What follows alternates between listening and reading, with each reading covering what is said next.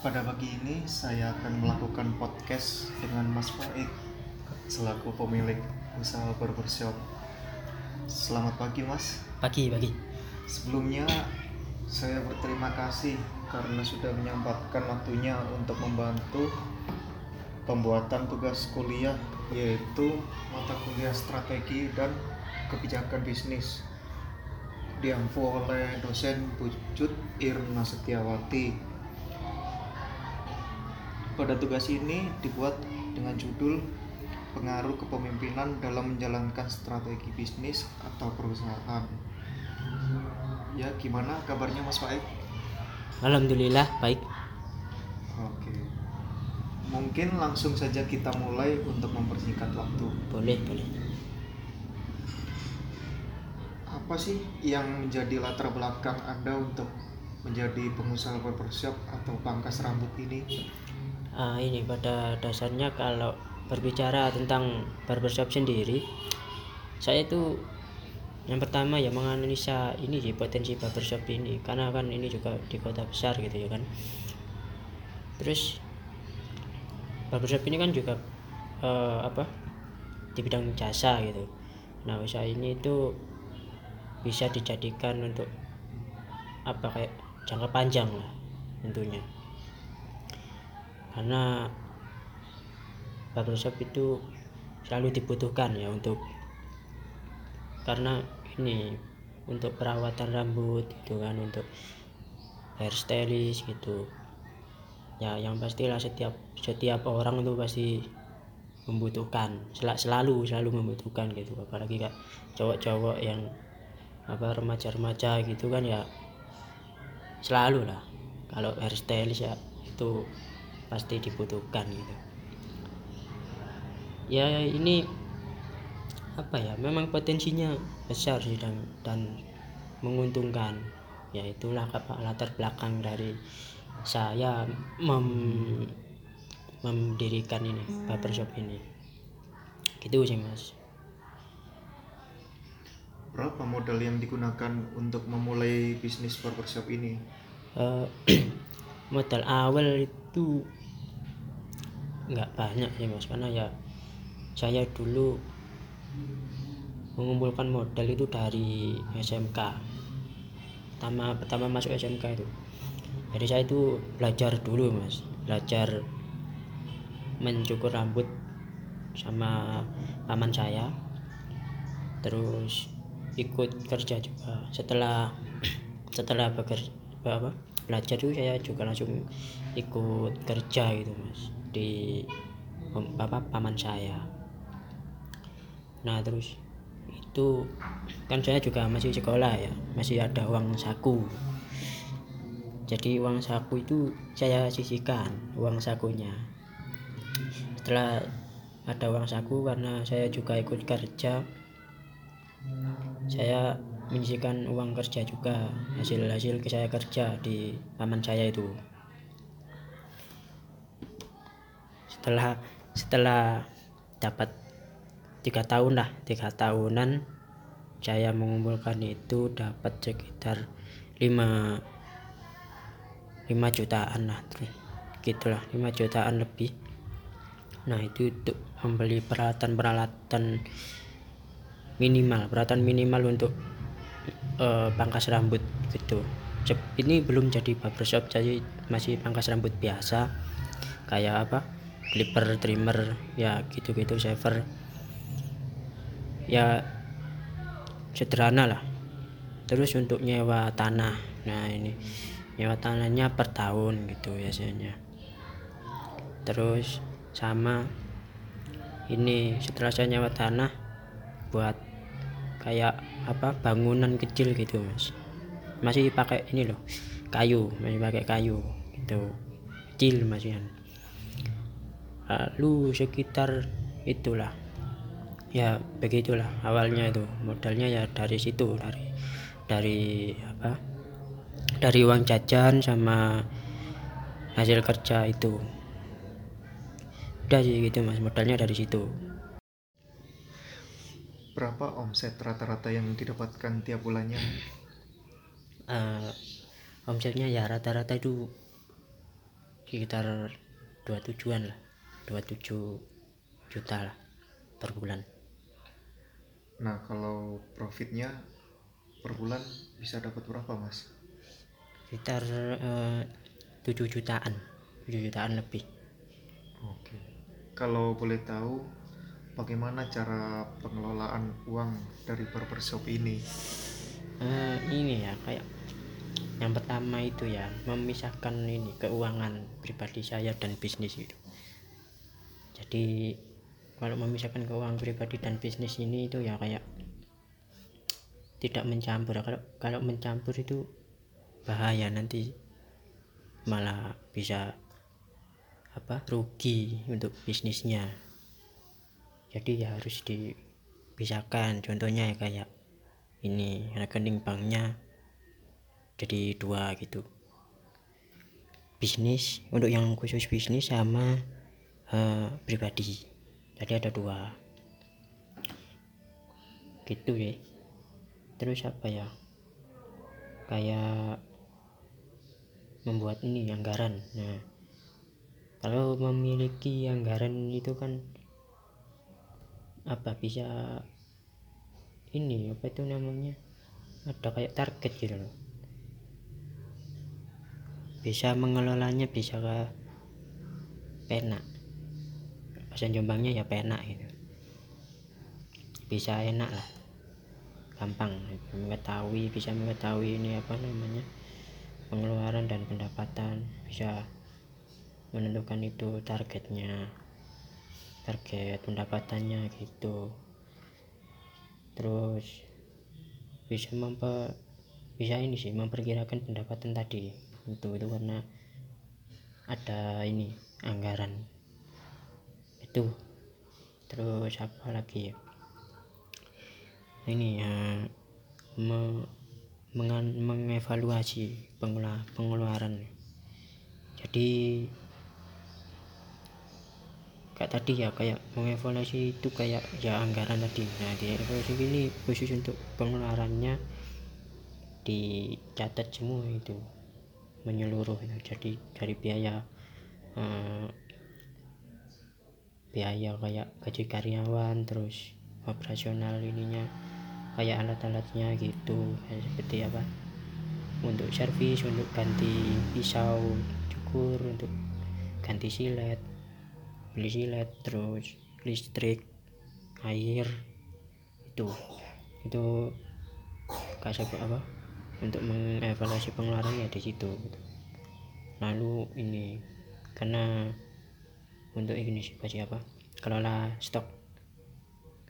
Nah itu stok ini apa ya? Bisa kalau mengelola stok bisa mengelola stok itu kan bisa menganalisa ya apa pendapatan dari stok produksi. Jadi sini saya kan juga jual selain jasa juga jual untuk perawatan rambut itu itu terus ini bayar tagihan tadi lah. Di evaluasi pengeluaran itu harus bayar tagihan tepat waktu juga ini. Kayak tagihan listrik air PDAM gitu. Harus tepat waktu. Terus apa ya? Pengeluaran tadi ya tidak yang tidak perlu. Kayak pengeluaran pengeluaran yang tidak perlu yang apa misalkan kayak misalkan kayak ini kendaraan. Ini mungkin saya dari rumah ke ke ini baper saya kan. Pakai motor nih. Ya motor saya itu kan pribadi. Jadi ya nggak nggak ada di bisnis gitu. Jadi kalau misalnya saya ambil uang dari bisnis ya otomatis profit dari bisnis juga kan berkurang gitu. Jadi seperti tadi juga apa memisahkan uang pribadi dan uang dari apa untuk bisnisnya.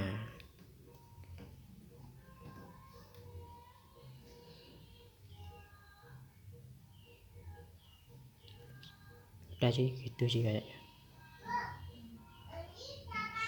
Terus apakah permintaan tiap tahun mengalami perubahan? Eh, pasti ya. Pasti mengalami perubahan tapi nggak terlalu itu sih signifikan. Yang paling signifikan itu di saat pandemi wah itu signifikan ya. Waktu awal-awal itu kan pada ini eh, takut semua gitu. Jadi itu untuk pendapatan ya menurun ya. Menurunnya signifikan gitu. Banyak lah menurunnya gitu karena ya itu tadi ya, takut takut mungkin takut tertular atau apa gitu. Dan apa? Kita juga kan masih kayak belum siap gitu sama apa prokes prokes gitu kan. Jadi kayak kaget terus terus ya menyiapkannya dengan ya itu tadi kayak kaget gitu. Jadi belum siap untuk prokes prokesnya jadi untuk karena itu juga ya apa perubahannya ya di situ paling signifikan ya di uh, pandemi saat awal-awal pandemi itu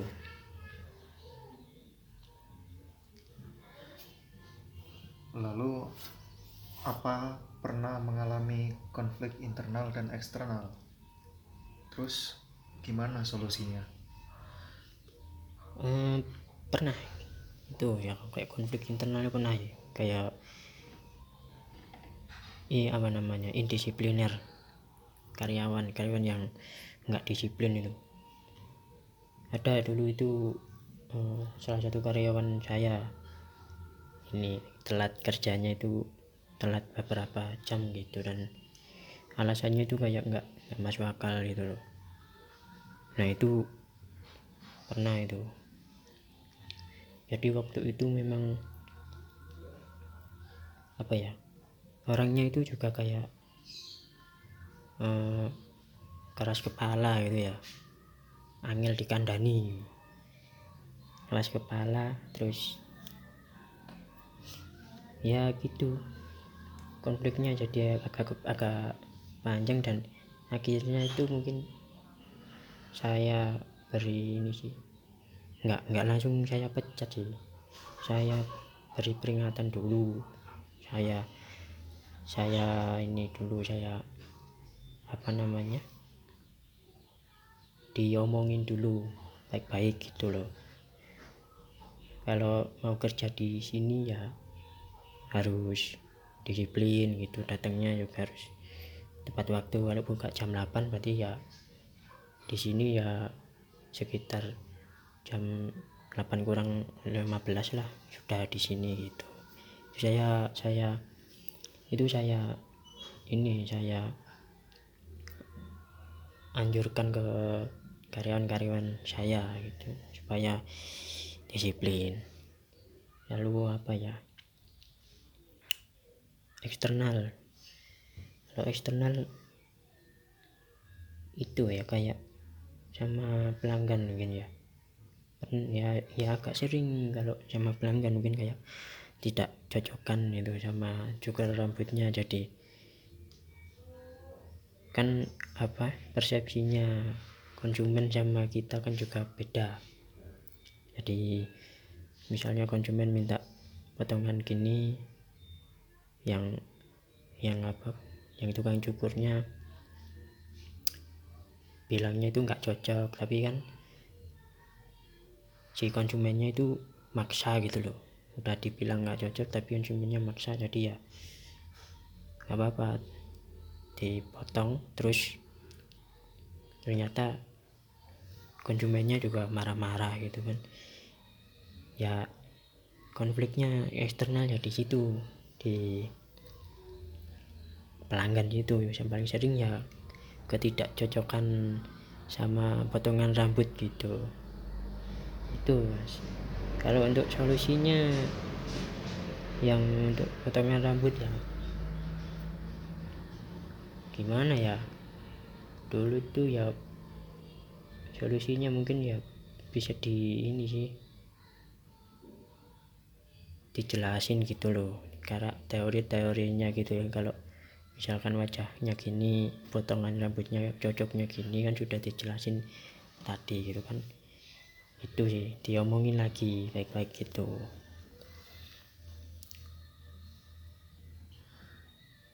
Apakah anda pernah tidak mencapai target? Lalu apa penyebabnya? Uh, pernah. Pernah yang ini sih waktu pandemi ini. Itu kan menurun semua itu. Nah itu tidak capai target. Dan agak ini sih apa namanya omsetnya juga langsung menurun drastis gitu. Sampai sampai sampai itu ini karyawan saya itu potong gaji ini tuh potong gaji. Dan ada yang itu ada yang keluar juga itu salah satu karyawan saya. Terus akhirnya saya juga harus ini ambil ke- apa buka lowongan lagi jadinya jadi ya pernah. Kalau penyebabnya yaitu tadi apa ya pandemi itu ya pandemi yang covid-19 ini itu penyebabnya ya Nah, terus di barbershop ini juga menjual produk. Nah, produknya itu apa aja? Ya, eh, ada produk kayak powder buat hairstyle, terus pomade, bubuk powder itu loh mas, bubuk powder, pomade, terus conditioner, vitamin untuk rambut. Jadi ya mungkin enggak perawatan perawatan rambut. Terus ini juga, terus ini juga itu apa kita jual alat-alat cukur setelah buat alat-alat cukur itu apa namanya buat les les cukur gitu. Bagaimana respon masyarakat terhadap usaha barbershop Anda? oh ini sih baik karena kan juga barbershop juga tidak menimbulkan kerugian apa-apa ya dan saya juga kalau anak kecil gitu. Misal anak kecil motong anak kecil di bawah 10 tahun kalau mereka berani datang ke barbershop saya sendiri ya saya gratiskan gitu. Jadi eh, para masyarakat itu apa namanya seneng gitu loh. Kayak yang punya anak-anak kecil itu suruh datang ke sini itu jadi siapa ada strategi tambahan gitu. Kayak pencit apa citra yang baik lah di masyarakat gitu Lalu motivasinya apa mas untuk menekuni profesi usaha barbershop? eh apa ya motivasi saya itu gini mas. Saya itu memang suka kalau lihat potongan rambut hair kayak style-style rambut gitu loh. Jadi suka membentuk lah. Istilahnya itu suka lihat gitu dan setelah saya mempelajari hairstylist juga menarik gitu menarik dan membuat saya itu apa kayak bisa terus gitu loh mas. Terus membentuk terus bisa belajar juga bisa apa menambah pengetahuan pengalaman gitu loh dengan di hairstylist itu. Ya motivasinya di situ mas. Jadi saya suka memang suka untuk mem, mem- membentuk rambut. Ya membentuk rambut lah gitulah. Karena pangkas rambut kan pada dasar pada dasarnya itu membentuk ya membentuk rambut supaya menjadi lebih rapi atau menjadi lebih menarik gitulah. Biar dilihat tuh biar enak gitu. Itulah terus intinya itu kayak begitu ya selain itu motivasinya ada juga ya ingin jadi orang kaya. Ya enggak? Maksudnya ingin jadi orang yang sukses dan banyak pengalaman itu itulah itu motivasi saya. Nah, apakah di kota Jombang sendiri udah banyak bisnis barbershop yang berdiri mas? tentunya setiap kota besar pasti ada barbershop.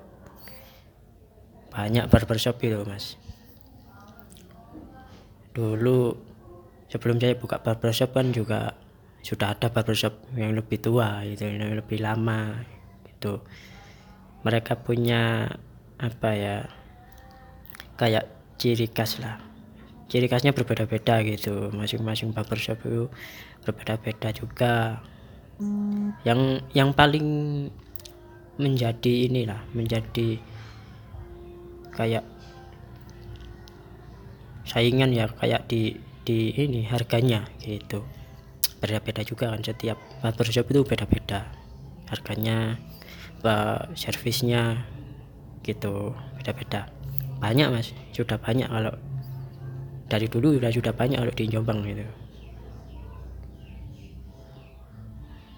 apakah di lokasi bisnis anda berdiri punya pesaing mas? Nah terus siapa pesaingnya? Ya itu sih. Kalau di sini itu pesaingnya ini Prima Barbershop itu. Itu pesaing terberat lah. Bukan terberat sih paling dekat soalnya. Jadi lokasinya dekat gitu ya udah lama juga itu sebelum saya berdiri ini ya itu sudah berdiri lebih dulu. Dan dan memang ya sudah banyak pelanggannya juga itu. Iya kalau saya sendiri saya pernah ke sana juga ya mas ya.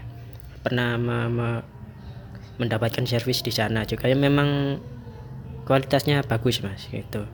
Servisnya juga apa memuaskan juga gitu. Ya gitu itu pesaing pesaing terberatnya yaitu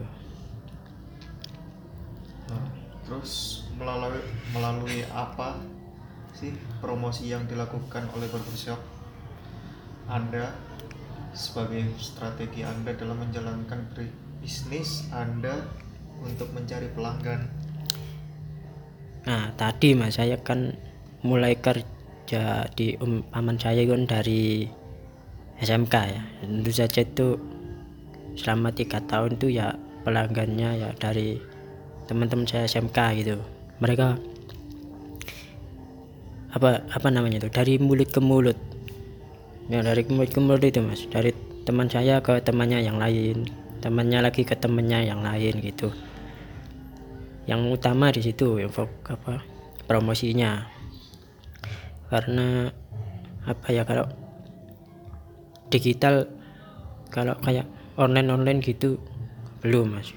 Mungkin di Facebook tapi ya Facebook ya cuman itu itu aja itu. Tapi ya memang lebih ini sih lebih efisien lah. Lebih efisien di mulut ke mulut. Lebih cepat gitu. Dari mulut ke mulut ya. Dari selama tiga tahun tuh ya teman-teman saya itu pelanggannya ya teman-teman saya dan teman-temannya lagi gitu. Jadi menariknya di situ. Ya karena sudah apa tiga tahun itu mereka sudah tahu saya eh, bisa apa pangkas rambutnya ya. Jadi setelah saya men- mendirikan ini pangkas rambut sendiri atau barbershop itu ya mereka tetap ke saya gitu. Ya karena mungkin saya juga melayaninya mereka dengan baik gitu kan. Jadi pelanggannya setia itu setia ke saya.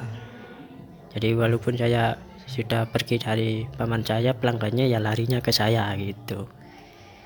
Itu tadi mas. Itu dari mulut ke mulut lah fokusnya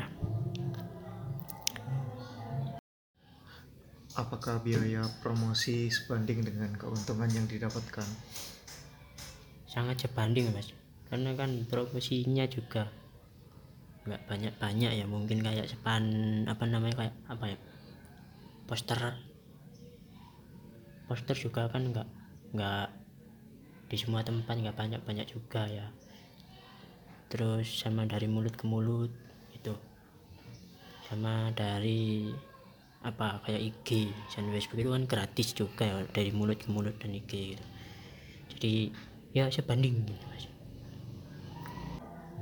Nah, terus kesulitan apa sih yang ada dalam bisnis Mas Faik? Dalam persaingan melihat banyaknya barbershop berdiri di mana-mana? Ah, apa ya? Kayak kesulitan itu pasti ada tapi ya saya men yang paling unik apa ya? Kayak yang paling unik gitu lah mengunikkan diri. Apa itu? Kayak mencari men- mencari ciri khas. Keunikan Eh. sendiri lah iya gitu. Supaya beda lah supaya beda dari yang lain gitu. Itu yang itu susah itu. Karena ya setiap ya karena apa ya? Banyak pesaingnya juga kan. Di kota Jombang ini kan kota kalau sudah di kota kan ya banyak jadi yang paling sulit ya cari itu keunikan sendiri itu. Dan harus punya ciri khas seperti apa gitu. Itu paling susah. Gitu mas. Paling susahnya gitu. Terus ini sih menambah kayak pengalaman juga. Jadi harus kalau kalau ada hairstyle lagi jadi kalau misalkan ada style baru ya style baru rambut. Misalkan kayak sekarang kan ada dari Korea Korea gitu ya mas ya baru. Ya gitu kita ya ya belajar lagi mas. Mau ya harus mengikuti itu belajar lagi itu harus praktek lagi uji coba lagi gitu. Itu mas. Dalam menjalankan usaha barbershop ini hal apa sih yang harus dipersiapkan dan apa saja yang dikerjakan dalam usaha barbershop ini Nah, yang pertama Mas ya. Kalau barbershop ya ya semua bisnis ya pasti lokasi. Lokasinya ya harus strategis. Contoh di saya ini kan dekat pasar ya Mas ya. Jadi rame orang setiap hari beraktivitas. Banyak orang lewat gitu kan pasti ya pasti terlihat gitulah apa ini barbershop saya gitu. Ya mudah dijangkau juga karena dari pasar itu kan juga pasti banyak pemukiman gitu kan ya deket gitu. Terus tempatnya juga mudah diingat ya kalau barbershop saya berarti di pasar ya ya di pasar situ gitu gampang diingat gitu terus terus itu ada ini peralatan. Peralatan dulu ya minimal tadi ya kayak satu set alat juga ada apa. Eh, clipper trimmer shaver ya gitu gitulah. Kayak pisau pisau cukur terus kayak apa tempat duduk kaca ya seperti itu peralatan seperti itu. Terus membeli ini perabotan tadi ya kayak kaca terus apa kursi gitu. Lalu modalnya pasti modal modal operasional itu. Terus apa ini keuntungan nah itu harus di di planning dengan benar. Karena keuntungan ini kan bisa untuk mengembangkan ini bisa seperti ini ya karena saya bisa planning gitu dari keuntungannya gitu. Ya terus ini sih kalau di barbershop itu kan yang utama jelas perawatan ya perawatan rambut ya ya terus sama hairstyle juga. Jadi kam di sini kita itu kayak memberikan servis tambahan kayak eh, pijat gitu. Ya pijat pijat kepala gitu. Terus membuat para customer nyaman gitu. Terus kayak melayani ini konsultasi juga seperti seputar rambut. Misalnya ada masalah rambut kering gitu harus diapakan. Terus kayak sebelum pot- sebelum em, cukur bisa untuk konsultasi memilih style apa yang bagus untuk misalnya wajah oval wajah bulat gitu kan. Ada hairstylenya yang cocok gitu harus apa bisa konsultasi dulu gitu. Seperti itu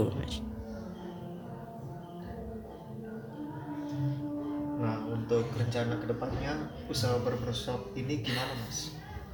Ya tentu saja ya Mas untuk membuka memberikan ini servis yang lebih baik lagi, kualitas servis yang lebih baik lagi dan menambah ini menambah cabang karena ke depannya nanti eh, saya bisa mem- me- membeli peralatan yang lebih bagus dari ini sekarang.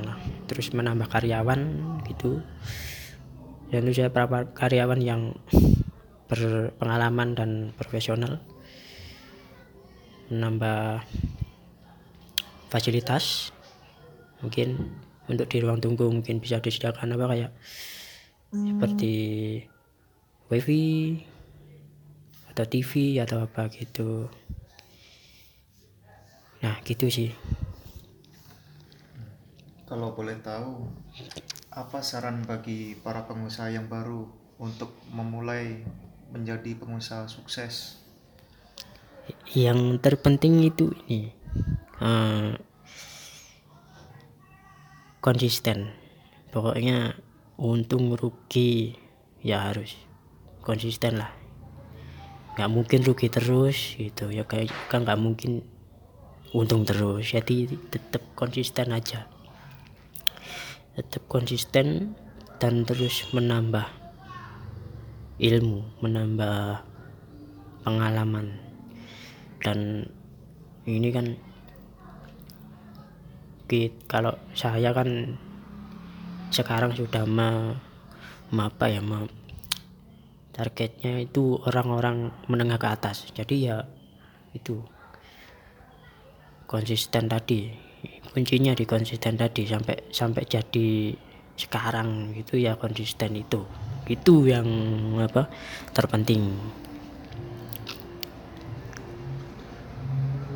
Lalu strategi apa yang dilakukan dalam menjalankan menjalankan usaha barbershop saat terjadi wabah COVID-19 ini? Nah, kan dulu masih nggak aktif di ini per, onlinean ya Mas ya. Nah, sekarang karena Covid ya pasti semuanya ke online gitu. Jadi pemasarannya juga lewat IG jadi kayak bikin apa video video konten-konten hairstyle gitu jadi menambah kayak memamerkan gimana memamerkan kebolehan kita di di IG atau di Facebook gitu. Saya sih fokusnya di itu di Facebook ya sama di IG gitu coba menarik pelanggannya gitu. Fokusnya di online lah pokoknya karena ya COVID itu gitu sih mas.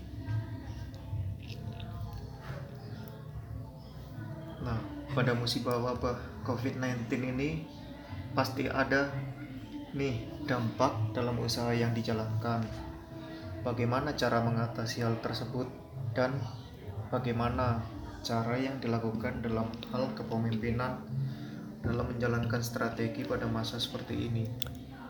Eh, karena ini ya dampak dari covid itu banyak pelanggan yang melakukan ini pembatasan lah untuk kegiatan di luar rumah. Jadi eh, ya gimana ya? Kayak bisa apa ya? Kayak kalau kepemimpinan sih kayak ya ya seperti biasa sih sebenarnya bisa kayak harus berkomunikasi gitu. Kayak mempertahankan kayak harus terbuka lah terbuka. Pokoknya komunikasi ke karyawan saya supaya dan juga ini apa memberikan semangat gitulah motivasi ke teman-teman karyawan saya supaya mereka itu nggak nggak terbawa apa ya nggak nggak stres juga karena covid ini. Karena ya karena covid ini kan juga agak menurun gitu ya jadi ya bisa membawa Indonesia ya itu berusaha untuk memberikan uh, motivasi ke karyawan saya. Supaya mereka tetap tetap fokus tetap profesional ke pelanggan. Gitu gitu mas. Nah, terus apa dampak positif dan dampak negatif yang didapatkan dalam menjalankan usaha ini pada masa COVID-19? kalau dampak negatif dulu ini mas kayaknya. Karena banyak negatifnya. Karena men- sangat bisa menurunkan pendapatan gitu. Pasti menurun pendapatan saya karena banyak orang yang lakukan itu tadi pembatasan. Mereka sering di rumah jadi kayak hairstyle itu nggak penting gitu. Juga banyak yang rambutnya gondrong dibiarkan gitu. Jadi kayak kalau hairstyle kan pasti mereka potong rambut motivasinya ya untuk keluar rumah kan kayak untuk misalnya pekerjaannya sales itu sales kan juga harus berpenampilan menarik. Nah sekarang kayak promosi sales kan agak di gitu apa nggak boleh lah pembatasan. Jadi lebih fokusnya ke online. Jadi kayak sales sales itu kurang gitu. Terus saya ya gitulah hairstyle hairstylenya itu nggak nggak ada. Jadi mereka itu nggak memikirkan hairstyle dulu karena semuanya pasti menurun. Mereka pasti ber, nggak mementingkan hair- hairstyle lagi. Gitu ya mas. Kalau untuk positifnya ya positifnya ya menambah kesadaran saya untuk kesehatan itu. Kesehatan prokes menjalankan pro- prokes juga. Karena ini covid penyakitnya nggak nggak kelihatan. Jadi ya saya harus apa ya mementingkan kesehatan gitulah. Sering-sering cuci tangan itu supaya bisa terhindar dari ini penyakit covid ini.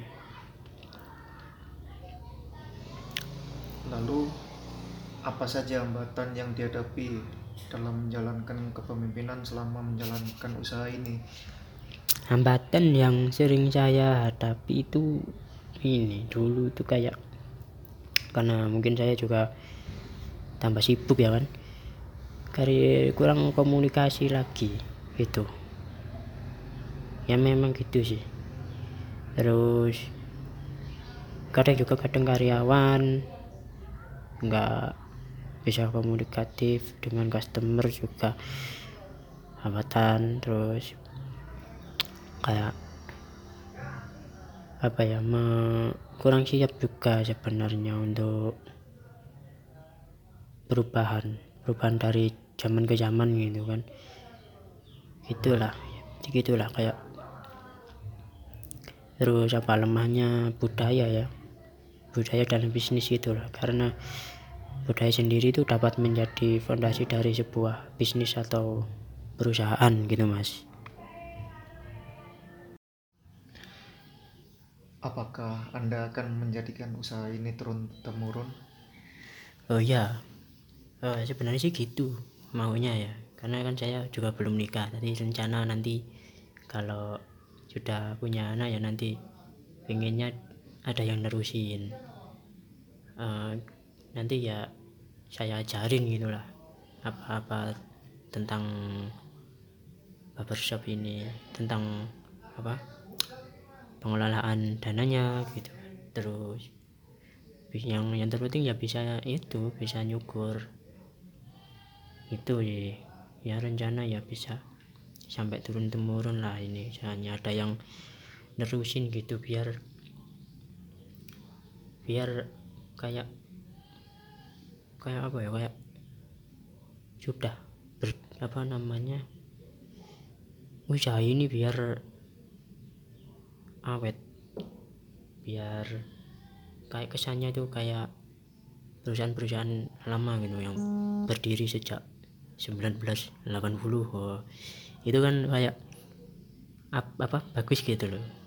Apa nah apa namanya di di mata masyarakat itu kayak terjaga terus kualitasnya gitu. Jadi turun temurun terjaga terus itu loh. Itu mas. Mungkin ini pertanyaan yang terakhir. Mungkin ada kata-kata motivasi yang bisa diberikan dalam menjalankan usaha pada masa COVID-19 ini. apa ya mas ya? Bentar mas. Tak mikir dulu.